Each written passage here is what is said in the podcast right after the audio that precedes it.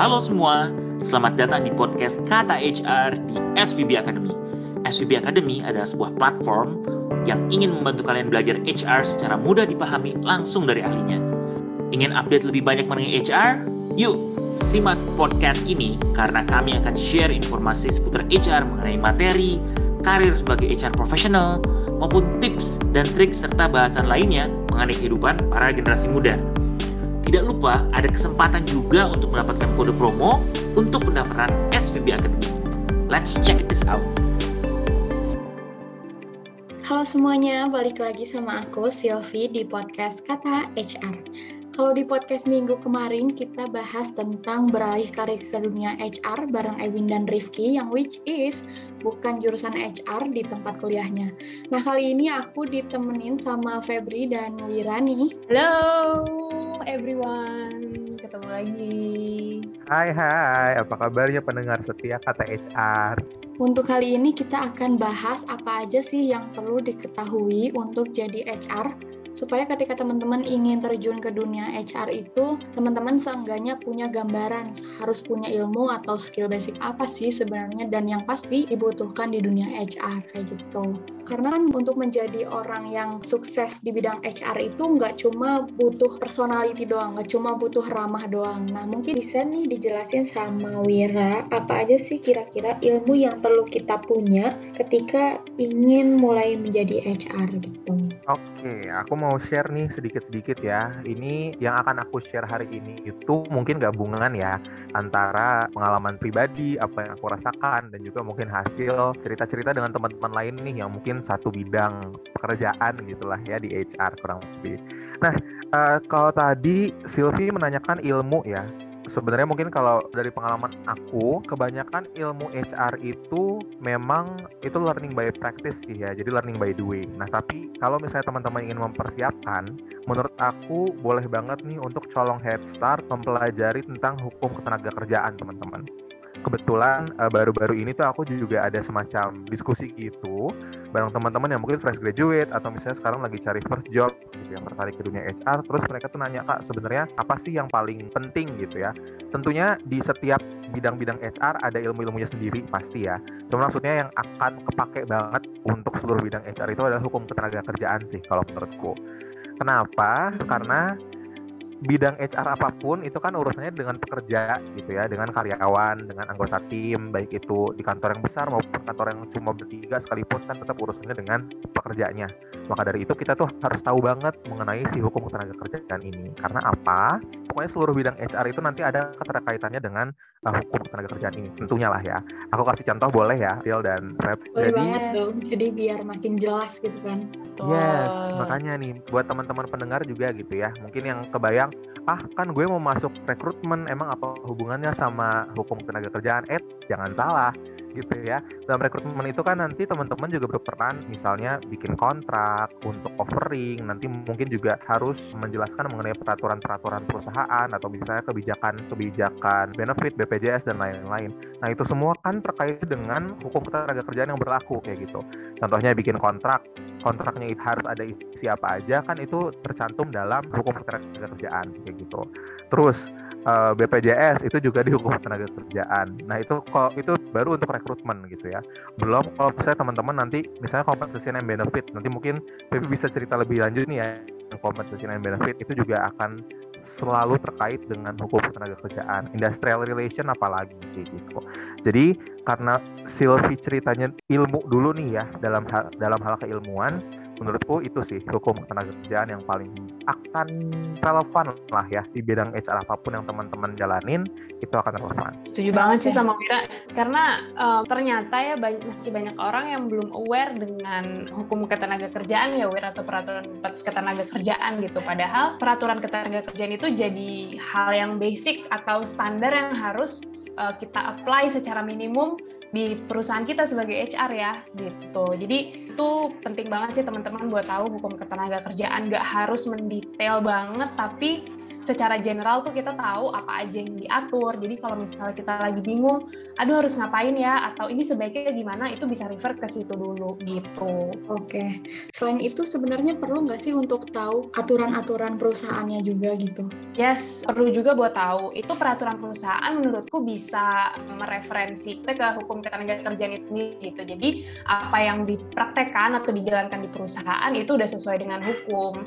Nah, uh, nambahin juga ya aku Silvi untuk ilmu-ilmu yang perlu diketahui nih sebagai HR ya gitu. Jadi kalau menurutku Wira udah menyebutkan satu yang penting juga. Nah, kalau dari aku ada beberapa ilmu yang harus kita tahu juga sih. Jadi ilmu yang menurutku kita perlu tahu itu adalah human resource management ya. Begitu di general nggak sih? Tapi itu, itu sesuatu ilmu yang perlu kita mungkin kalau selama kuliah kita belum pernah uh, mempelajari atau misalnya background kuliah kita belum uh, bukan di human resource management tapi menurut aku pengetahuan secara general yang bisa kita baca-baca aja di Google atau di artikel-artikel yang bisa kita temuin itu uh, menjadi dasar yang cukup baik juga gitu. Jadi kenapa? Karena human resource management itu di situ kita tahu ini sebenarnya peran HR tuh untuk apa sih gitu. Terus komponen dan elemen apa aja yang di dalam HR gitu. Terus tugas-tugas apa aja yang HR lakukan. Nah, jadi um, pengetahuan basic dan dasar kayak gitu kalau misalnya kita udah tahu kita bisa lebih fokus dan lebih baik lagi nih dalam menjalankan peran kita sebagai HR itu sih kalau dari aku Sil.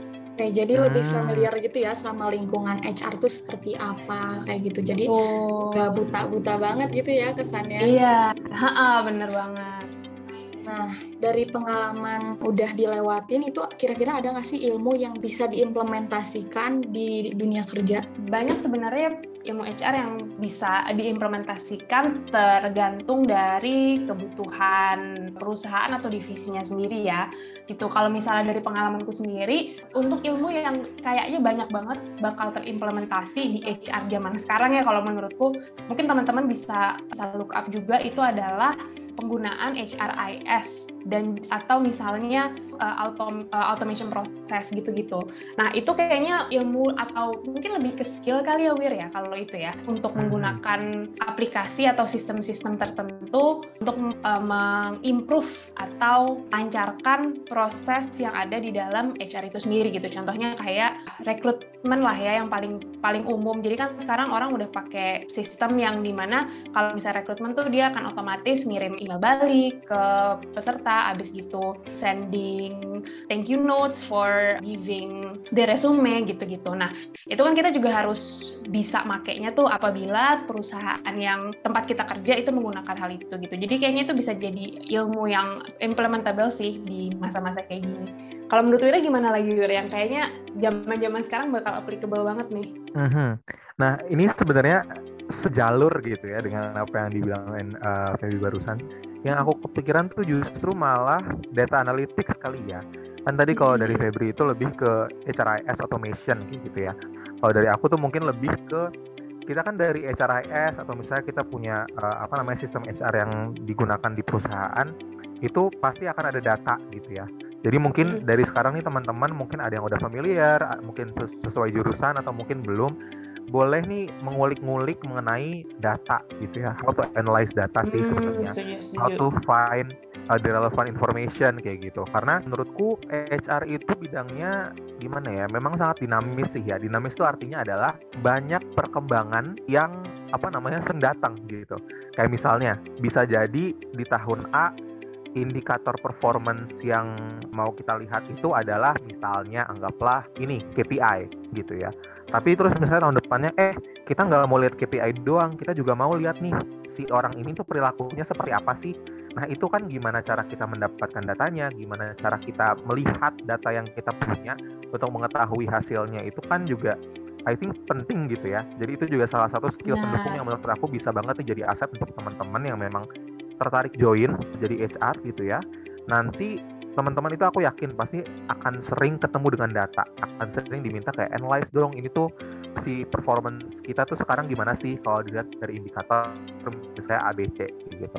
Jadi itu kayaknya kalau di kuliah kan suka ada tuh mata kuliah statistik gitu ya atau mungkin teman-teman yang apa namanya uh, lebih tech savvy gitu yang udah terbiasa mengolah data itu uh, trust nih kayaknya kalau misalnya dalam corporate situation bakal banyak kepake sih. Dan ini juga jangan khawatir kalau misalnya teman-teman memang belum familiar dengan how to manage data dan lain-lain, no worries. You can start learning now dan aku juga mau menekankan satu hal. Meskipun sekarang banyak nih apa namanya uh, modern HRIS automation in data gitu ya.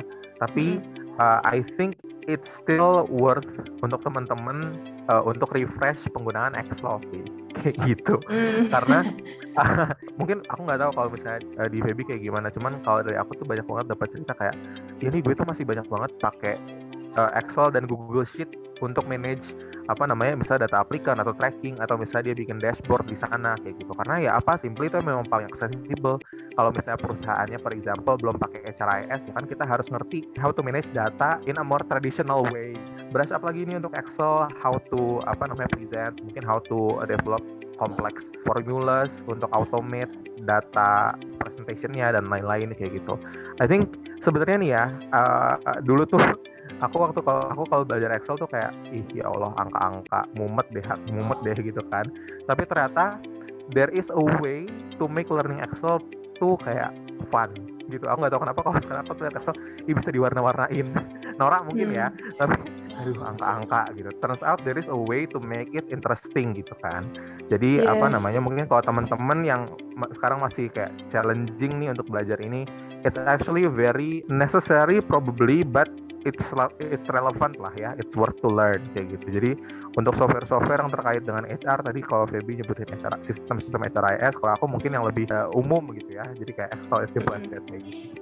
Itu sih Sil yes Oke, nah bisa dicatat ya teman-teman karena ini di zaman sekarang tuh perlu banget yang namanya pencatatan secara digital gitu. Karena oh. kalaupun gak masuk HR, ini tuh ini tuh bisa banget digunakan untuk semua uh, pekerjaan gitu ya nggak cuma HR doang marketing ataupun finansial apalagi ya itu sangat bisa digunakan nah jadi nggak yeah. ada salahnya untuk belajar dari yang traditional way yang kata Wira tadi dari Excel sampai ke yang lebih kompleks lagi yang tadi kata Kak Feby sebutin Nah, untuk belajar ini bisa juga menggunakan YouTube ataupun platform lain, ada di TikTok juga udah banyak yang share tentang Excel, cara penggunaan Excel. Nah, mungkin Wira ada saran untuk mendalami Excel ini ataupun platform lain gitu.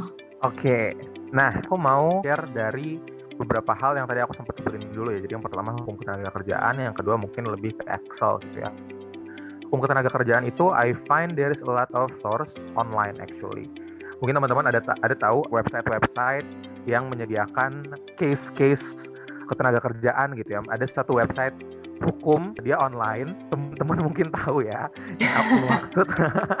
Ada satu website yang itu menyediakan konsultasi sih sebenarnya. Jadi orang-orang itu bertanya ke sana untuk mencari tahu di kantorku ada situasi seperti ini nih hukumnya gimana sih legalnya? gitu ya. Nah aku banyak belajar dari situ tuh biasa teman-teman ya untuk mencari tahu. Selain refresh untuk pasal-pasalnya sendiri juga nge-refresh getting to know kasus-kasus yang mungkin terjadi itu kayak gimana sih kayak gitu. Terus yang kedua untuk Excel betul banget nih kata Sylvia um, a lot of resource uh, TikTok, YouTube atau misalnya kalau teman-teman punya teman yang emang udah jago ya boleh gitulah ya belajar langsung. Nah, terus juga jangan khawatir teman-teman kalau misalnya memang teman-teman apa namanya benar-benar interested untuk belajar HR dan mungkin mau getting to know beyond fundamental stuffnya nih misalnya teman-teman kayak ih gue kayaknya pengen deh langsung belajar apa sih sebenarnya talent talent acquisition apa sih sebenarnya uh, compensation benefit itu ngapain sih actually dia di perusahaan itu perannya seperti apa. Jangan khawatir teman-teman teman-teman sekarang lagi mendengarkan podcast kata HR by SVB Academy jadi silakan boleh langsung kepoin aja nih. Betul banget. penting banget itu penting banget. Oke, kalau tadi soal ilmu dan basic-basic yang harus kita ketahui di bidang HR. Nah, yang aku pengen tahu lagi itu tentang apa sih skill-skill yang diperluin di bidang HR. Oke, kalau skill menurutku HR tuh banyak ya. Tapi menurutku skill utama yang harus dimiliki sama HR, mungkin ini lebih ke soft skill ya itu um, yang pertama itu communication skill itu wajib banget punya Jadi teman-teman yang mungkin agak nggak pede dengan komunikasi, misalnya ngerasa, aduh aku introvert, aduh aku awkward, tapi pengen jadi HR, nah you have to work on that. Karena um, ya pertama kita taking care of people ya, dan uh, kita akan manage people. Jadi kita nggak mungkin manage people tanpa berkomunikasi kan. Jadi komunikasi itu penting dan HR itu handling mulai dari strategic matters yang very business related until a very personal matter yang sangat dekat ke karyawan gitu. Jadi ada yang kita urus dari segi bisnis yang itu menyangkut perusahaan sampai yang personal banget ke mas ke masing-masing karyawan itu tuh HR care itu. Jadi that's why aku mengatakan kalau komunikasi itu menjadi satu aspek yang penting dalam menjadi HR. Terus yang kedua menurutku yang paling paling skill yang harus kita punya sebagai HR itu adalah bisa dibilang coaching or mentoring kali ya. Tapi ini bukan coaching atau mentoring yang sifatnya resmi dan certified ya. Well, it will be better if in the future teman-teman bisa achieve itu tapi sejalan sekarang nggak harus tapi at least teman-teman tahu tahu memiliki skill tersebut gitu. Kenapa coaching dan mentoring? Karena di HR itu kita akan banyak misalnya memberikan saran, kemudian tadi aku bilang berkontak dengan karyawan ketika misalnya karyawan tanya, misalnya menghadapi, mereka menghadapi kesulitan. Biasanya orang-orang di ke HR tuh kayak, aduh kok apa namanya karir gue kayaknya di sini stuck aja ya, ada opsi karir path apa nih di kantor ini misalnya gitu. Nah kita kan pasti harus mengadvise, kita harus mentoring dan coach dalam arti mungkin lebih ke coaching dalam arti oke okay, kamu ke depannya aspirasi karirnya mau apa? Oh di kantor kita ada ini gitu. Nah that's why kita menurutku punya skill coach dan mentoring itu bagus banget gitu. Dan akan sangat berguna juga ketika kita sedang membuat atau membangun program learning and development gitu di situ jadi kita udah tahu tuh core-nya um, learning dan development tuh harus seperti apa gitu. Dan yang ketiga itu adalah menurutku interviewing skill sih. Nah, interviewing skill ini bukan dalam konteks interview untuk nerima kerja aja ya. Tapi interviewing skill ini kalau menurut pengalamanku tuh juga untuk fungsi-fungsi yang lain. Jadi contohnya adalah misalnya kalau lagi pengen survei, uh, employee survei gitu. Uh, kita mau bikin uh, benefit baru, nah terus kita pengen tahu karyawannya sih butuhnya apa. Nah itu kita dengan cara uh, kita juga bisa dengan cara interview kan tanya sebenarnya tuh sekarang karyawan butuhnya apa sih? Mereka tuh lagi pingin apa? Kayak gitu. Nah itu juga bisa.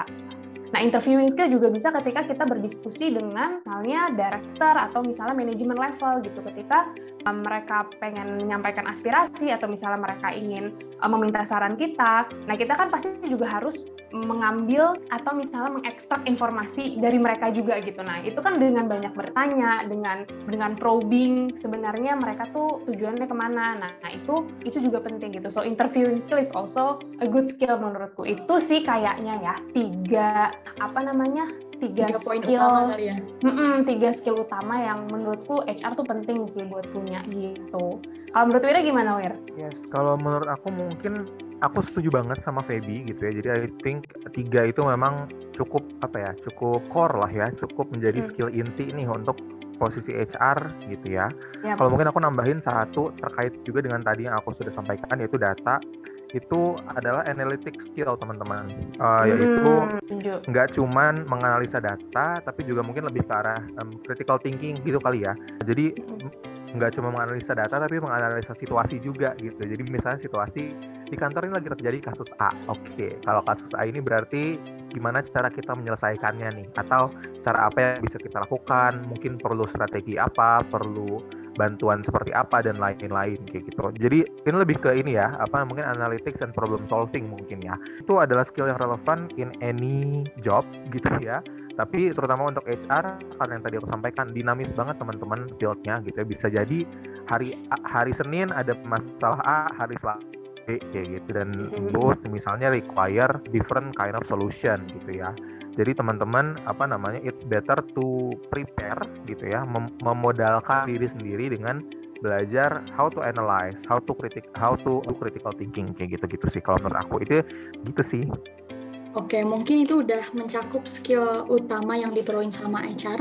Nah, yang aku pengen tahu tuh iya. gimana caranya untuk mengasah skill dan ilmu tadi. Kalau misalkan ilmu tadi udah dibahas ya tadi. Nah, ini gimana caranya untuk mengasah skill-skill yang tadi uh, disebutkan? Gitu. Misalnya mengasah skill untuk yang komunikasi menurutku sih bisa dimulai dengan kegiatan sehari-hari ya. Jadi kalau kita berbicara dengan orang lain atau komunikasi dengan orang lain, itu coba untuk sampaikan poin kita dengan baik. Itu bisa dimulai dari situ. Um, dan juga sebenarnya menulis itu juga uh, bisa melatih kemampuan komunikasi kita gitu. Jadi um, kita bisa apa ya kira-kira mengkai apa yang ada di kepala kita ke dalam kata-kata. Nah itu yang kadang-kadang tuh orang suka kesulitan gitu. Kadang kan kita mau ngomong tapi malah kayak e, apa ya namanya uh, uh, gitu. Nah biasanya dengan kita menulis atau misalnya latihan menulis itu tuh kita jadi bisa mengkai kata atau mengkomunikasikan apa yang ada di kepala kita ke dalam kata-kata tersebut gitu. Uh, kalau misalnya teman-teman kebetulan uh, pekerjaan atau misalnya sekolahnya juga rajin bikin presentasi. Nah, itu juga biasanya tempat latihan yang bagus tuh karena kan kita pada dasarnya menyampaikan sesuatu atau menyampaikan apa yang ada di pikiran kita atau apa yang menjadi ide kita. Nah, itu kan make sure kalau orang tuh sampai gitu di orang yang kita sampaikan. Nah, bikin presentasi itu juga merupakan latihan yang bagus tuh untuk melatih komunikasi menurutku gitu. Nah, kalau untuk uh, mentoring dan coaching itu kayaknya butuh latihan yang nggak bisa sembarangan ya, bukan sekedar asal curhat terus ngasih nasihat ke temen tuh dia bisa bisa bilang coaching mentoring gitu.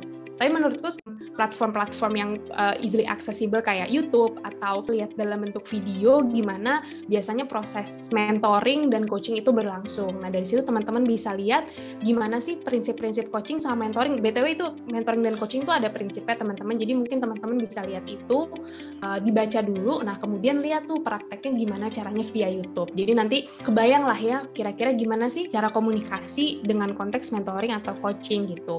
Dan kalau misalnya yang berkaitan dengan learning and development itu juga bisa banyak banget artikelnya. Ada biasanya sih ada satu website dari AIHR ya kalau nggak salah atau HRM sauku itu merupakan website yang kayak paling komprehensif lah kalau udah urusan HR kalau nge-google tentang HR biasanya yang keluar website itu. Nah teman-teman bisa banyak baca dari situ juga gitu. Oke. Okay. Kalau menurut Wira gimana Wira? Okay. nah kalau tadi itu aku sempat share mengenai uh, data analytics gitu ya. Nah kalau ini sih mungkin teman-teman bisa belajar banget nih dari YouTube, even di LinkedIn teman-teman, even kalau misalnya teman-teman gak join LinkedIn Learning, itu kan biasanya suka banyak teman-teman profesional atau misalnya mungkin expert di bidangnya yang suka share konten atau misalnya suka share materi atau misalnya mereka nge-post nih mengenai cases kayak gitu. Nah itu boleh banget nih teman untuk teman-teman ikutin. Atau kalau misalnya teman-teman mau latihan mungkin via YouTube atau mau join join courses yang menyediakan uh, materi yang seperti itu gitu ya yang lebih ke mungkin statistik dan general kali ya bukan yang necessarily something yang full IT banget atau full computer science kayak gitu. Boleh banget nih teman-teman untuk dieksplor metode-metode yang cocok buat teman-teman pastinya karena uh, pada intinya pas yang belum ke dunia HR pasti yang di expect ada ya kita at least punya skillnya basic level oke gitu not necessarily something yang bener-bener bakal udah level expert atau level advance gitu enggak. Karena ini adalah oke okay, well dari starting nanti mereka pasti akan tetap develop ya sambil bekerja kayak gitu. Yeah. jadi kalau menurut aku sih as long as it's basic level teman-teman yang penting perlu punya semangat dan willing to explore mungkin via courses atau misalnya via YouTube atau misalnya tadi via via LinkedIn gitu ya untuk trying to find material-material yang uh, cocok buat teman-teman. Gitu sih, Sil. Oke, nah mungkin itu dulu ya teman-teman podcast kita hari ini. Menarik banget, semoga bisa menambah insight buat teman-teman. Kalau menurutku sih ini udah cukup uh, untuk memulai karir di dunia HR ya. Nah, aku udah mulai merasa full ilmunya dan udah tahu banget apa yang harus aku lakuin di nextnya gitu untuk mengajar karir di HR. Nah untuk teman-teman yang tertarik belajar ilmu yang tadi kurang lebih disebutin sama Wira dan Feby bisa banget daftar SPB Academy supaya lebih siap ya untuk jadi HR. Nah teman-teman bisa nah. daftar pakai kode promo uh, untuk dapetin harga spesial nih dengan cara pakai kode promo promo 13P ROMO 13 di website kita ya. Nah, promo ini cuma berlaku sampai hari Jumat jam 5 sore tanggal 10 September 2021. Nah, mungkin gitu aja. Semangat dan selamat belajar, teman-teman. Thank you, teman-teman. Sampai ketemu lagi. Sampai ketemu, teman-teman semua. Jangan lupa dengarkan terus podcast kita di Spotify, Apple Podcast, dan Google Podcast. Kunjungi website kami di www.svbacademy.com, Instagram kami di @svb.academy. Dan kalau kalian punya pertanyaan, saran, atau kritik, email kita di kontak@svbacademy.com.